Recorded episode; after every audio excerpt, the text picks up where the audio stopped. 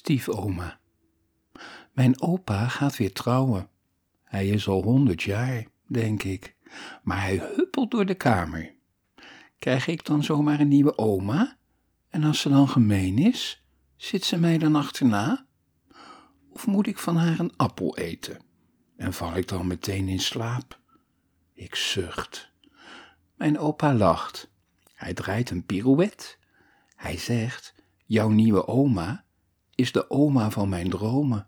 Jouw nieuwe oma Stief is zacht en heel erg lief.